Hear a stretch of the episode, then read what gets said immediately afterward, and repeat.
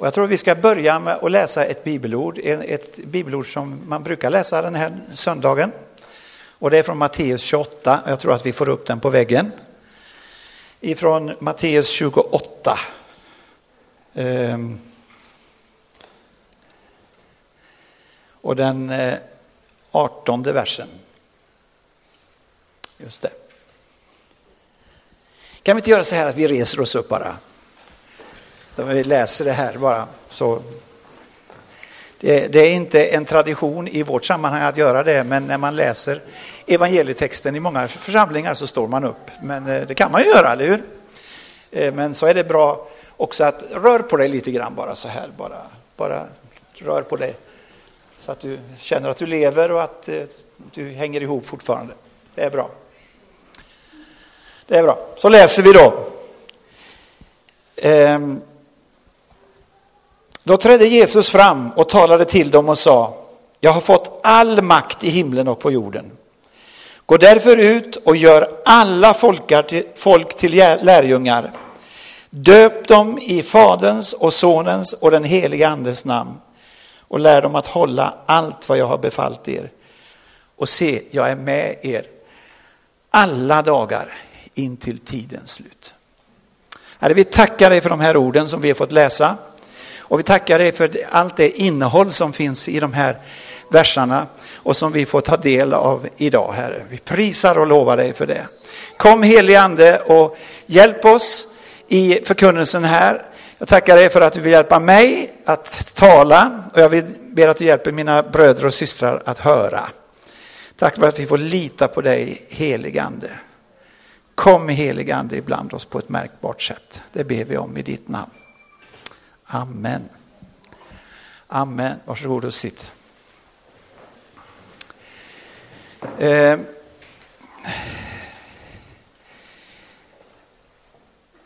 Det finns någonting som heter jul och det finns någonting som heter påsk.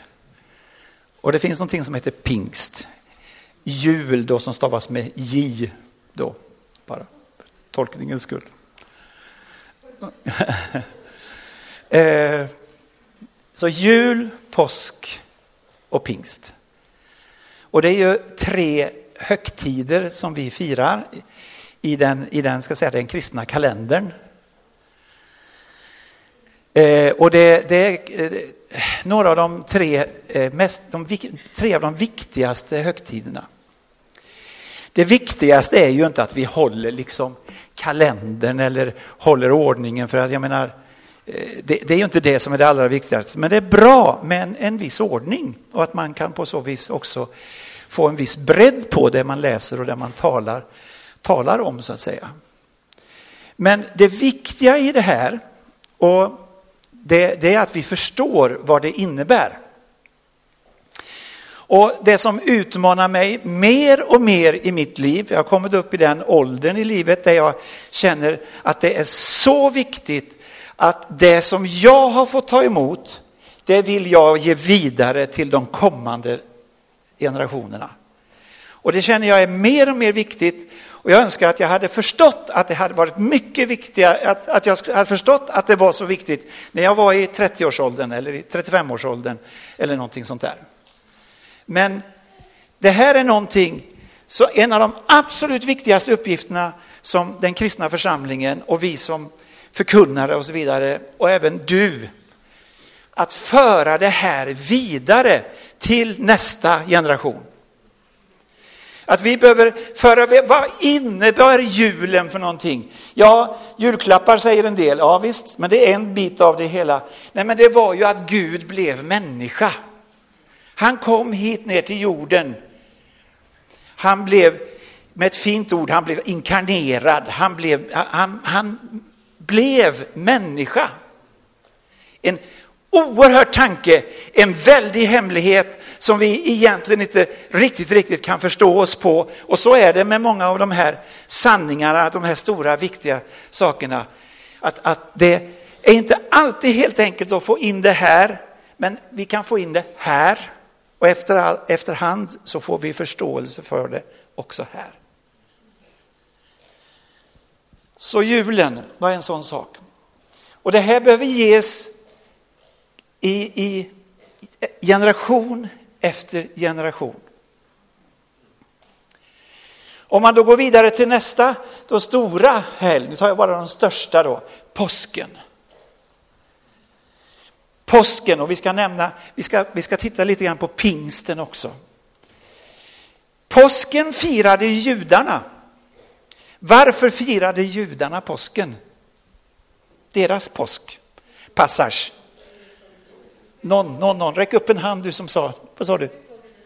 Uttåget i Egypten, ja. De blev befriade. De, eh, de blev räddade.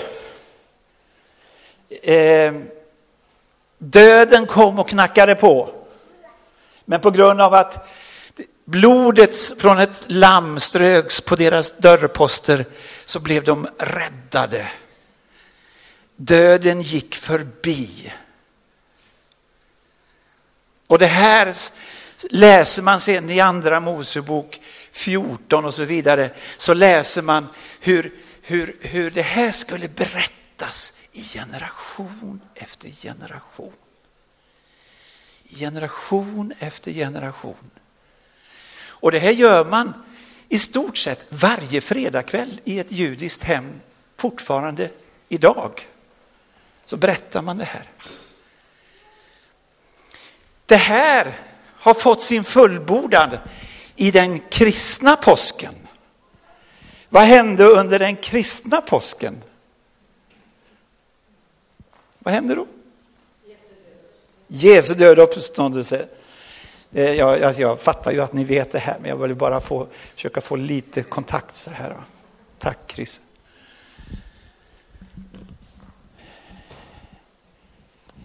Jesu dog. Han tog straffet på sig, på det som du och jag skulle ha och varje generation skulle ha. Det tog han på sig. Räddade oss ifrån döden, ifrån skulden, från ångesten och gav oss ett evigt liv. Vi blev rättfärdiggjorda. Han räddade oss undan dödens död.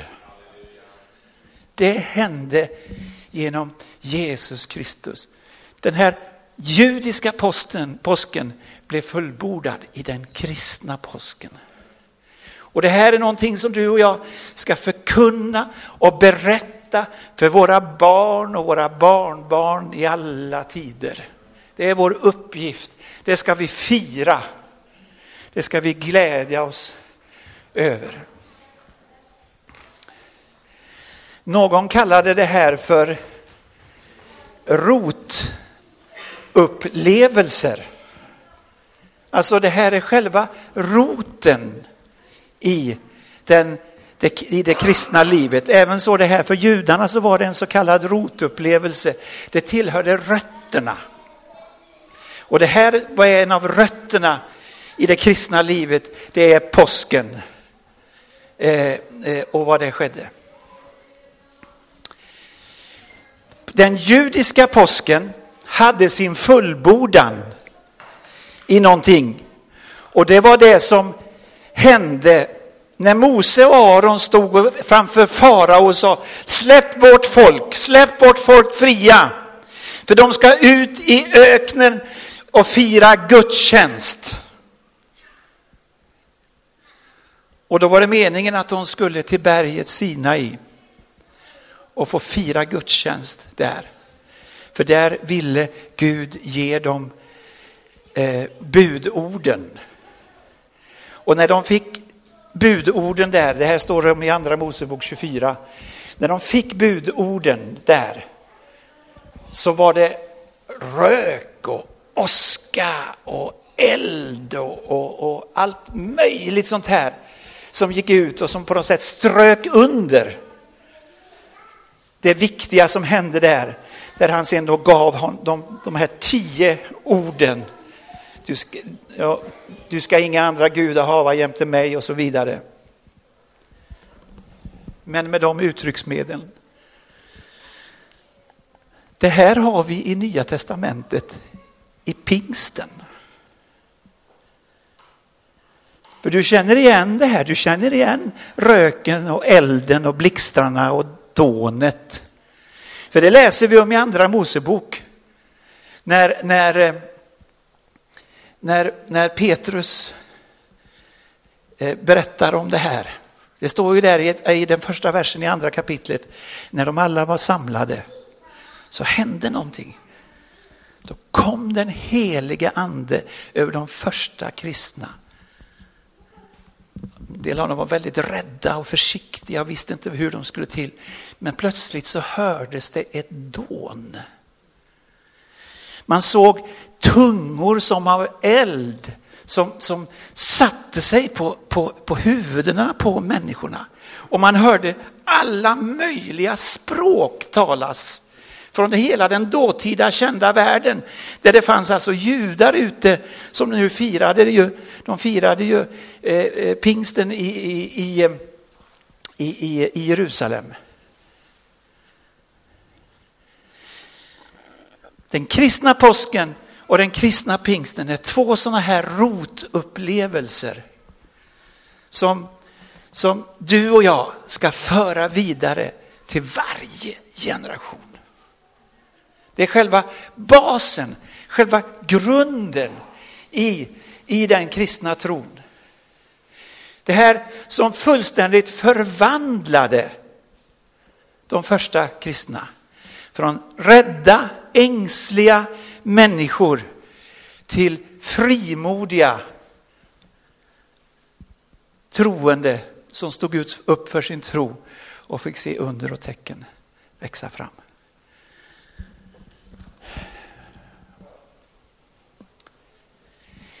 Pingsten handlar om tre saker. Och jag skulle vilja byta ut det där ordet egentligen upplevelse mot erfarenhet. Jag fortsätter egentligen här på ungefär samma tråd som Jonny Foglander pratade om när han var här för någon månad sedan och som sen har fortsatt. Och som vi har känt att Gud har pekat på. Vad vad innebär pingsten? Vad är pingsten? Vad är den helige andes dop, skulle man kunna kalla det för? Eller den helige andes uppfyllelse? Jo, det är för det första en personlig erfarenhet. Inte i första hand en upplevelse, utan en, en, en erfarenhet. Eh, vi kan ibland, ibland lockas till att jaga upplevelser. Vi ska uppleva häftiga saker. Det, får vi göra, det, det frestas vi till hela tiden. Jag menar Melodifestivalen och liknande saker där vi liksom känner någonting. Eller vi åker ner till Liseberg och har en upplevelsedag. Inget fel i det, trevligt, roligt. Särskilt för barnen, tycker det är jätteroligt. Men när du går ut därifrån, ja, då har du haft en upplevelse. Och därmed jämt. Den heliga ande är inget tivoli. Det är ingen tivoli-upplevelse. Den heliga ande är en erfarenhet. Om vi jagar upplevelser så kommer vi att försöka jaga och jaga och jaga och jaga, och jaga, jaga, jaga, jaga, jaga, jaga, jaga, jaga men en erfarenhet som jag tagit emot, då vet jag att jag vet att den här erfarenheten har jag. Och den här erfarenheten förvandlar mitt liv. Och det är säkert flera här som har, och jag vet att det är flera här som har tagit emot den helige ande. För det gör vi i, det, i frälsningen, så får vi del av den helige ande. Men vi brukar också tala om att dopet i den helige ande sätter oss fria att tjäna Herren mer, ger oss kraft, frimodighet, stärker oss, styrker oss. Jag får en personlig erfarenhet som förändrar mig.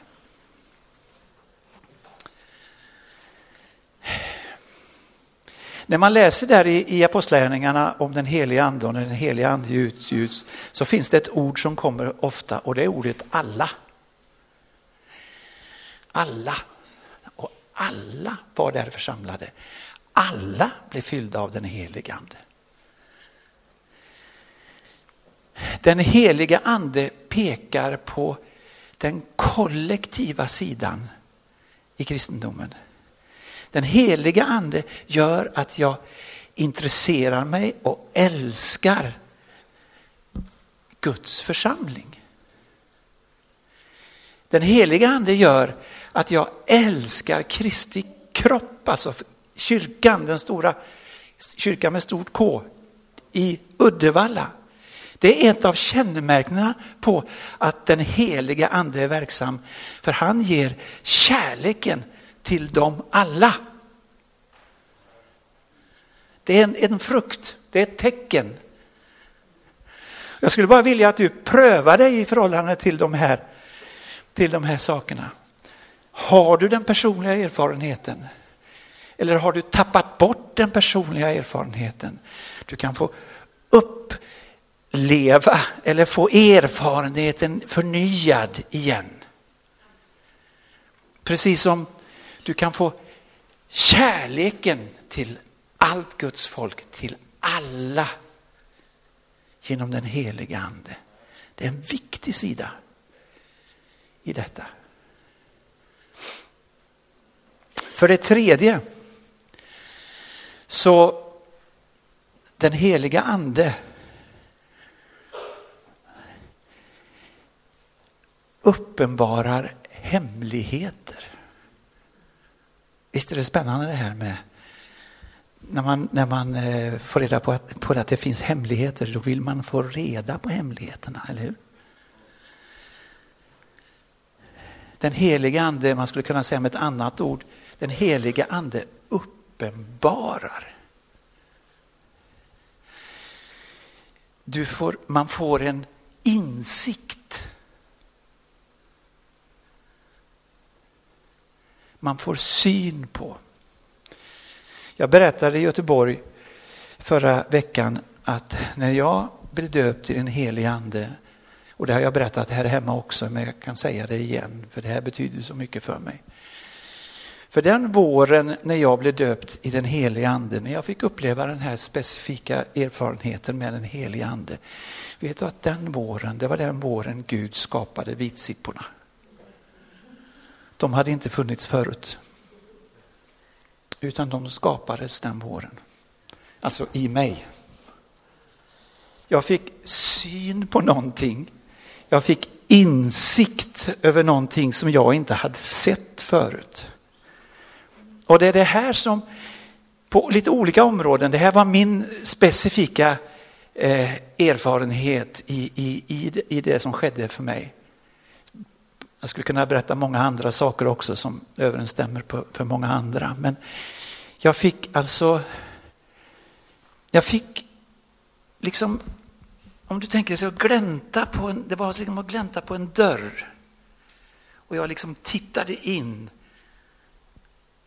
Och där såg jag vitsipporna. Och det var en sån upptäckt. Nu kanske någon annan sitter där, är han klok eller vad håller han på att prata om? om du, lyft handen om du fattar ungefär vad jag försöker säga. Är det någon som försöker? Ja, bra, okej. Okay. Men jag, jag, fick, jag fick syn på någonting.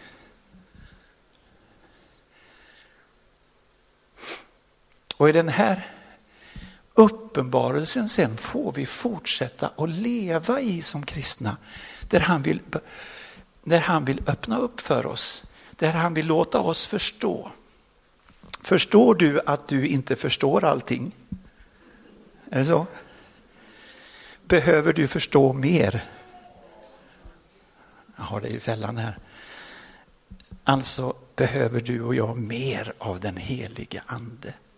Särskilt vad det är frågan om saker och ting som rör Bibeln, Guds ord.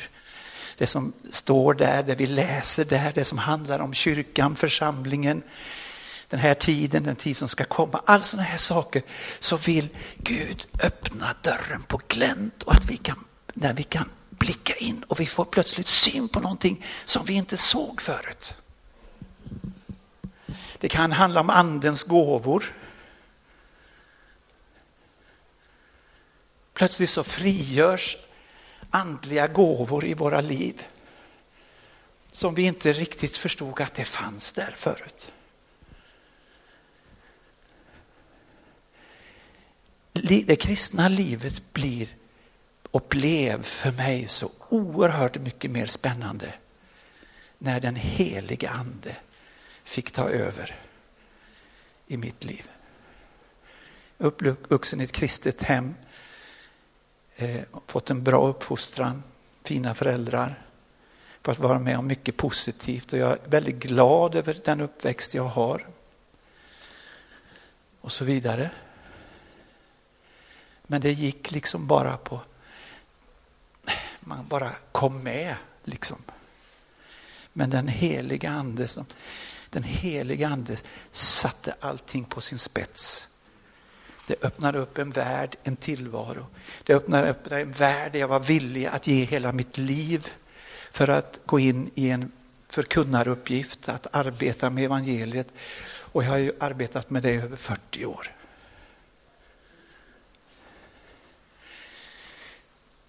Och under de här åren så har det kommit några, några olika insikter när jag låg där på sjuksängen på eh, lasarettet eller lasaretten efter olyckan som vi var med om så fick jag uppleva på ett alldeles specifikt sätt gemenskapen med den heliga ande.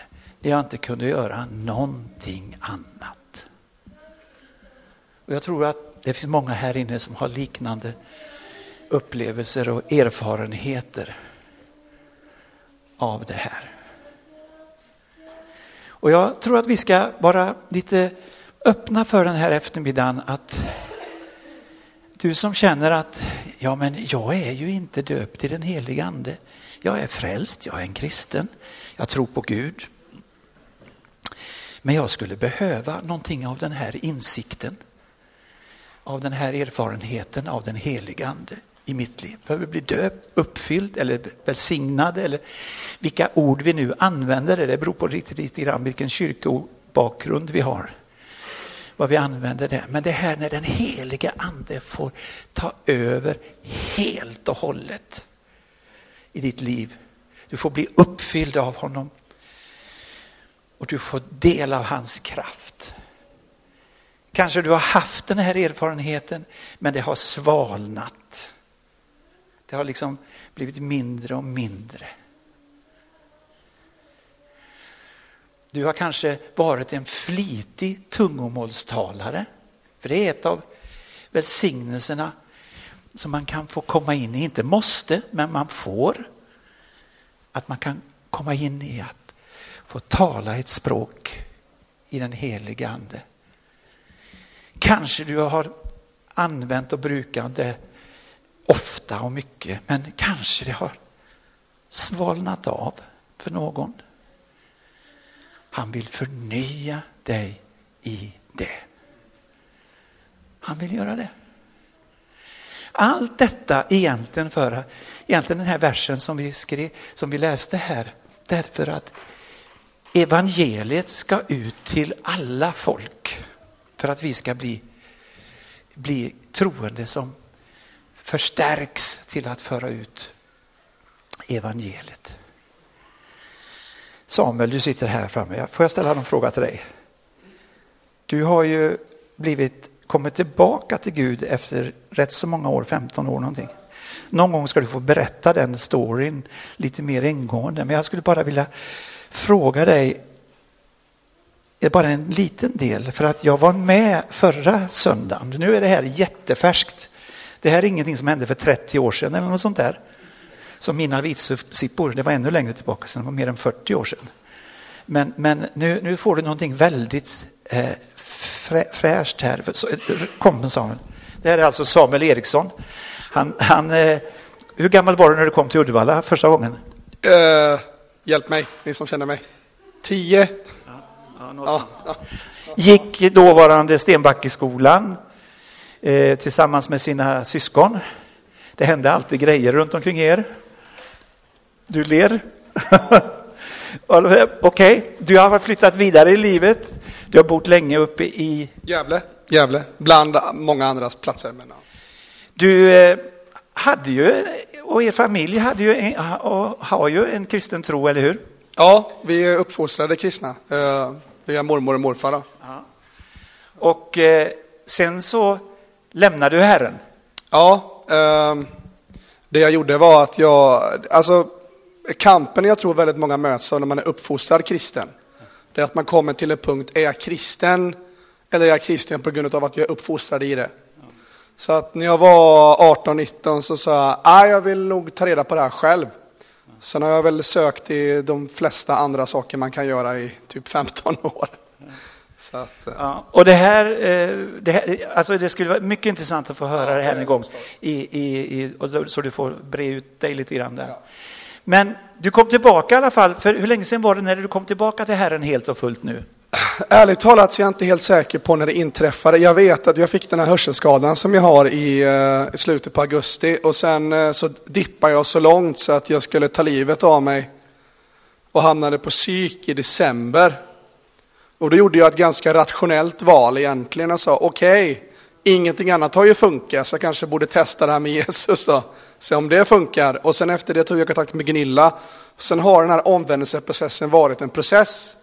Men det kulminerade förra helgen faktiskt, måste jag säga. Ja. Det här är nästan värt en applåd, eller hur?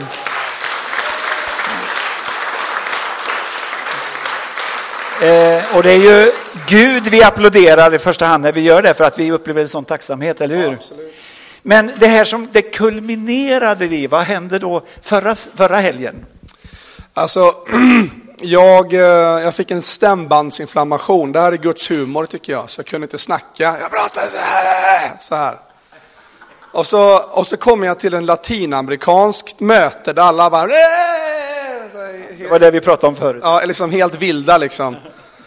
Ja, och jag menar, jag, jag är fortfarande i process och kämpar mycket med helande arbetet i kropp och själ och ande liksom. Och det är en väg kvar, men jag är på god väg. Så att jag liksom tänkte, ja men nu går jag fram, nu är jag trött på det här. Så jag tänkte bara då går jag fram och sätter mig på botbänken och så sitter jag där och så sa jag det till Gud, Gud jag reser mig inte härifrån förrän du berör mig. Jag kommer, inte ens, jag kommer sitta hela natten och få ge mig nyckeln. Berör mig, annars blir jag kvar här helt enkelt. Sen liksom så började jag så här älta mina egna problem och det händer ingenting. Sen bara, ah, det här funkar ju inte. Så jag bara, ah, jag ber för församlingen, jag ber för människorna. Så jag plötsligt började min käft prata en massa konstigheter. Så jag började komma på mig själv jättehes. Jag bara, Va? Vad håller jag på med? Och sen bara, äh, skitsamma. Så jag fortsatte så här och välsigna församlingen. Och så bara, liksom. Uh, och sen slutade det med att jag fick tungotalet. Och, ja. Så det, ja. Halleluja. Jag ska säga så här. Jag vill säga en grej. Uh, under 15 år så har jag jagat andliga upplevelser. Alla grejer jag har gjort har varit för att jaga upplevelser av sanning hela tiden. Va? Att gå från det till tro är en process. Och det jag märker, det är att varför jag vet att det här är sant, det är för att det kom inte i form av en upplevelse.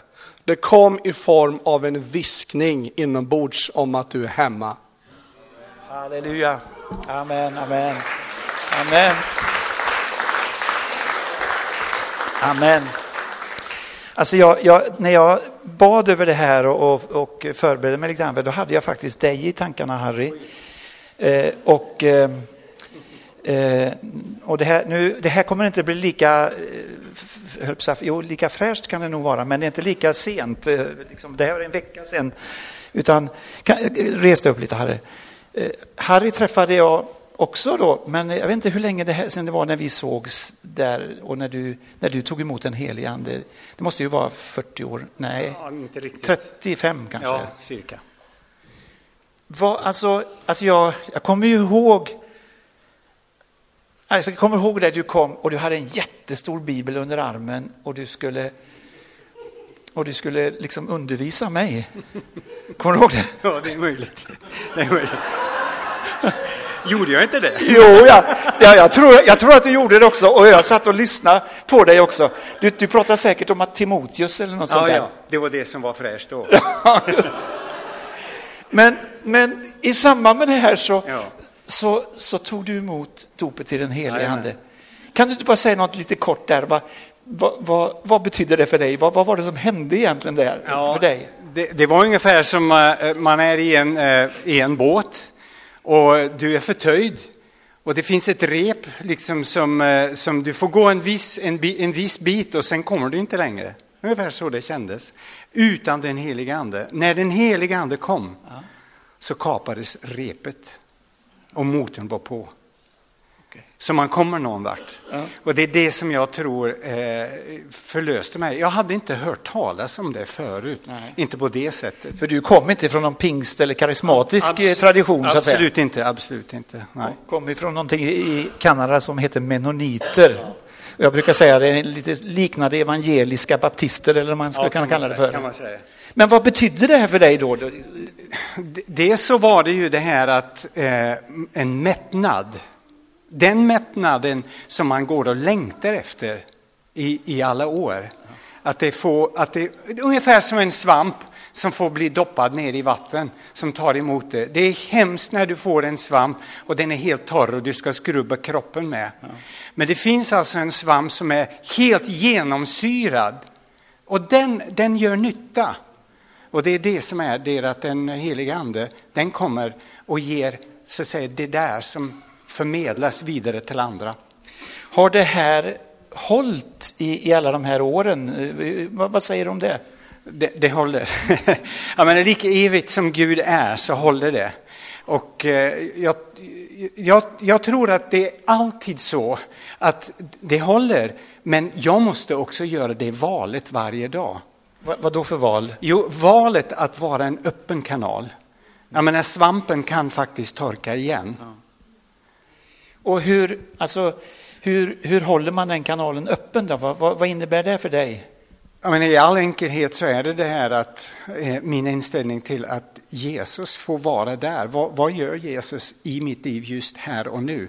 På jobbet, på alla områden, när man möter människor. Hur är det där hemma till exempel? Så det här som du sa där förut, att det är liksom som en, en eh, flod som bara fortsätter. Det ger alltså en öppenhet för, för, för så mycket mer som man inte har upptäckt, inte ens ännu för mig.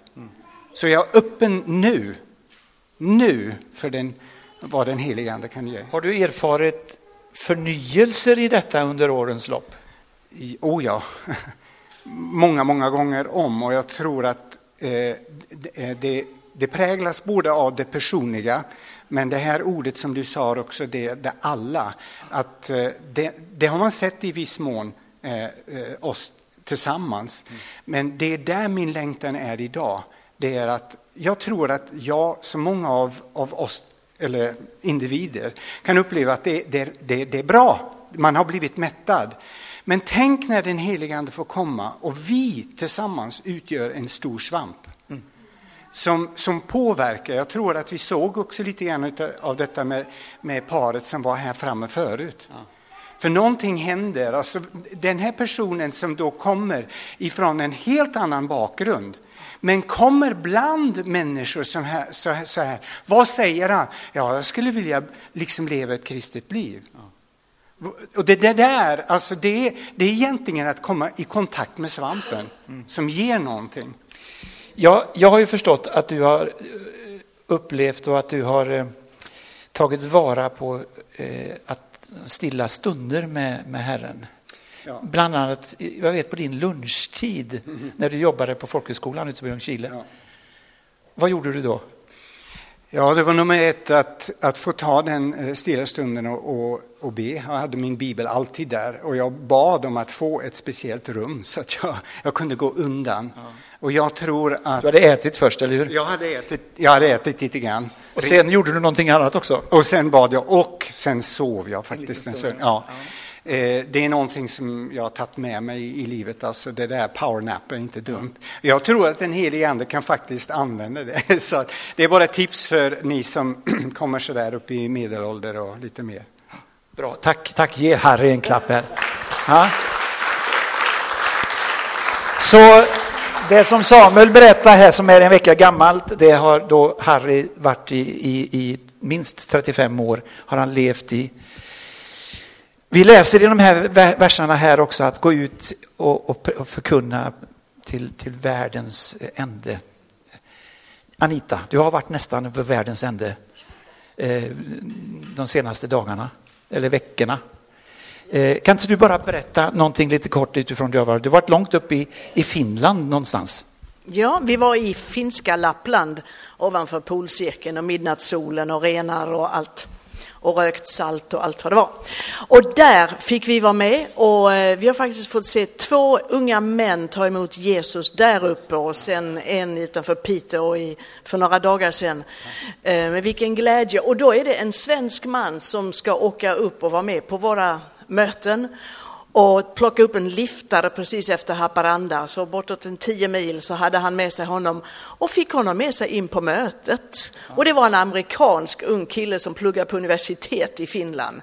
Och han blev så glad att höra någon som kunde prata amerikansk engelska, för det hade han inte gjort på länge. Så han satt ju på två hela möten och stod upp vid alla förböner och allting och till slut så tog han emot Jesus. En sån glädje och en ung persi, iransk kille som hade hört om hur det går till på persiska konferenserna men inte varit med. Nu kom han, han hade med sig ett papper med namnen på dem han skulle förlåta och sen tog han emot Jesus. Och så var det en slags kämpe som hade fått stryk dagen innan och han blev helad i ryggen och så frågade man vill du bli frälst också och det blev han. Han såg ut som en riktig rufflig typ. stå kvar, stå kvar. Amen. Ja, ge Jesus en applåd för det också. Det här skulle ju du inte kunnat göra utan den heliga ande. Och den här frågan har jag inte förberett dig på, men, men vad betyder den heliga ande för dig? Du är ute och far och flyger över alla håll och kanter och du får predika för många, många människor och du, du sitter med människor och samtalar och beder och du ser människor bli helade. Och, vad betyder den heliga ande för dig? Jag tror att varenda en av oss är beroende av den heliga ande för att kunna fungera i en tjänst, i att få göra det Herren vill i våra liv. Och, eh, och om vi inte har upp, upptäckt det så funkar det inget vidare bra och då kan vi lätt slita ut oss. Och, eh, men jag är ju ännu mer beroende, jag kan ju inte ha några manus. Utan det är 35 år sedan jag fick lägga ifrån mig en storstilt bibel och ett manus. Och sen har jag fått ha allt här uppe. Och då måste den heliga ande påminna mig för jag får säga Gud, nu får du påminna mig, vad är det jag ska ha med nu här och vad är det som vi ska släppa? Och då blir man ju väldigt beroende. Och sen är det ju inget annat som funkar heller, det är ingen människa som blir helad för att vi kommer i närheten. Det är bara Jesus och den heliga ande som kan göra det och han kan peka på behovet. Så att ju mer vi blir beroende av Herren, ju mer kan han få göra. Och det, det favoritord jag har nu för tiden det är ju min nåd är dig nog, för min kraft fullkomnas i svaghet. Och nåd betyder ju möjliggörande kraft. Du kan stå kvar där Halleluja. Det här är, är alltså, det kristna livet är värt att leva på grund av den heliga Ande och att man får leva tillsammans med honom. Och vi, vi ska ta vara det här, på det här idag och, och, eh, vi ska gå in i en stund här nu där, där eh, du som känner att det, nej jag har inte den erfarenheten men jag skulle vilja ta emot den. Eh, och vad det egentligen innebär är ju att vara beredd på att överlåta hela sitt liv till Herren. Alltså det får bli riktigt, riktigt radikalt.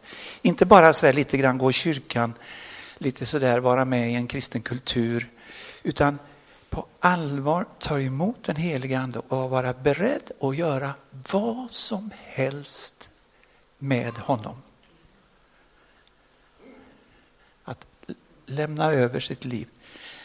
Jag trodde att om jag gjorde det så skulle jag aldrig få resa någonstans för det var min stora längtan. Men jag la det hos Herren. sa det, Herre, om jag så bara får vara i Borås i hela mitt liv, så, så, för vi bodde där då, så, så, så, så är jag beredd på det. Och jag la mitt liv i Herrens hand. Och sen kom märkliga, sen har jag fått resa över nästan hela världen. I hans tjänst, men inte för min skull. Kanske är det någonting liknande sånt som kan också gälla dig. Att överlämna ditt liv till Herren. I första hand är det inte frågan om din egen personliga upplevelse utan din erfarenhet att du har överlåtit dig till honom. Då kan han komma och uppfylla dig. Har du någon synd, uppenbar synd som hindrar dig att komma nära Gud så är det våldsamt bra att bekänna den och få förlåtelse för den. För det öppnar alltid upp för Herren och den helige Ande när vi, när vi bekänner det. Kanske det har korkat igen i rören någonstans. Det går alltid att öppna upp där. Det går alltid. Det som man kan kalla för en förnyelse i, i, i den heliga Ande. Och jag tror att många av oss har fått uppleva det också. Så jag tror att vi gör så här, ska vi resa oss upp och så kan du bara vara vid gitarren Emanuel. Så kan vi bara, att några finns bara framme här. Jag tror att det, det finns en potential för att många, många, eh, om du vill ta emot förbön för det här så ska vi hjälpas åt här och vara beredda där, Elisabeth och Janne och jag och, och um, Anita. Harry kan ju vara med där också. Så bara... Men framför allt om vi går in en stund inför Herren och tillber honom, upphöjer honom, lovar honom. Och du kan där i det läget bara överlåta dig till honom. Det där livet som Håkan har berättat om, det som Samuel har berättat, det som Harry och Anita berättar om, verkar ju rätt spännande, eller hur?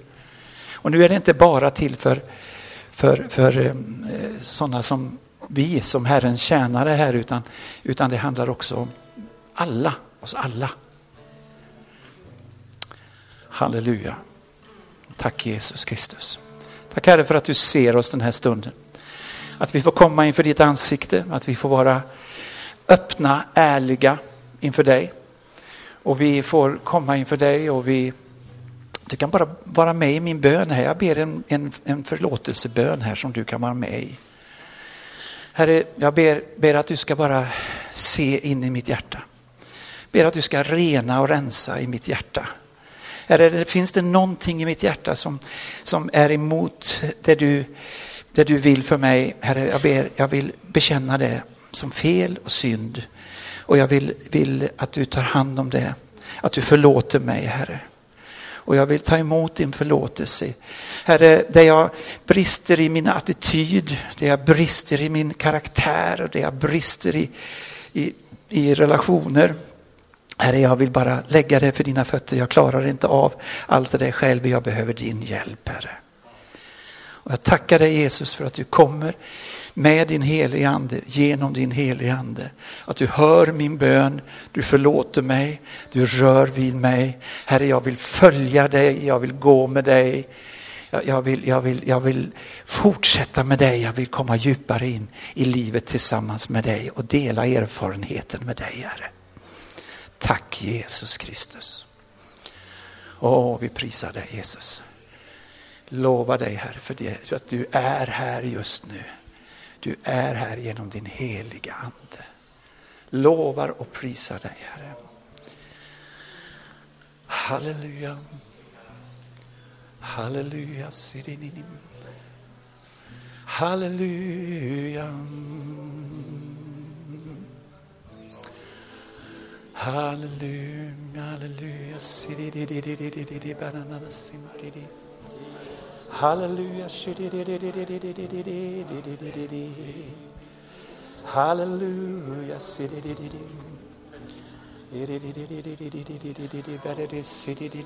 Att, att det finns några stycken här, du, du skäms så infernaliskt, du skäms så mycket över, över dig själv och en del saker som, som du har tänkt och gjort du, du, du skäms för det, men, men du ska veta det att Gud ser till dig just nu. Och du bara uttrycker det där du skäms för, så förlåter han dig. Han förlåter dig. Han förlåter dig. Tack Jesus Kristus. Åh, jag bara prisar dig. Tackar dig Herre för att de du, de du förlåter Herre. Prisa dig för det. Lova dig för det Jesus. Tack för syndernas förlåtelse. Tack Herre för att du rensar och renar. Prisar och lovar dig Herre. Tack Jesus Kristus. Mm.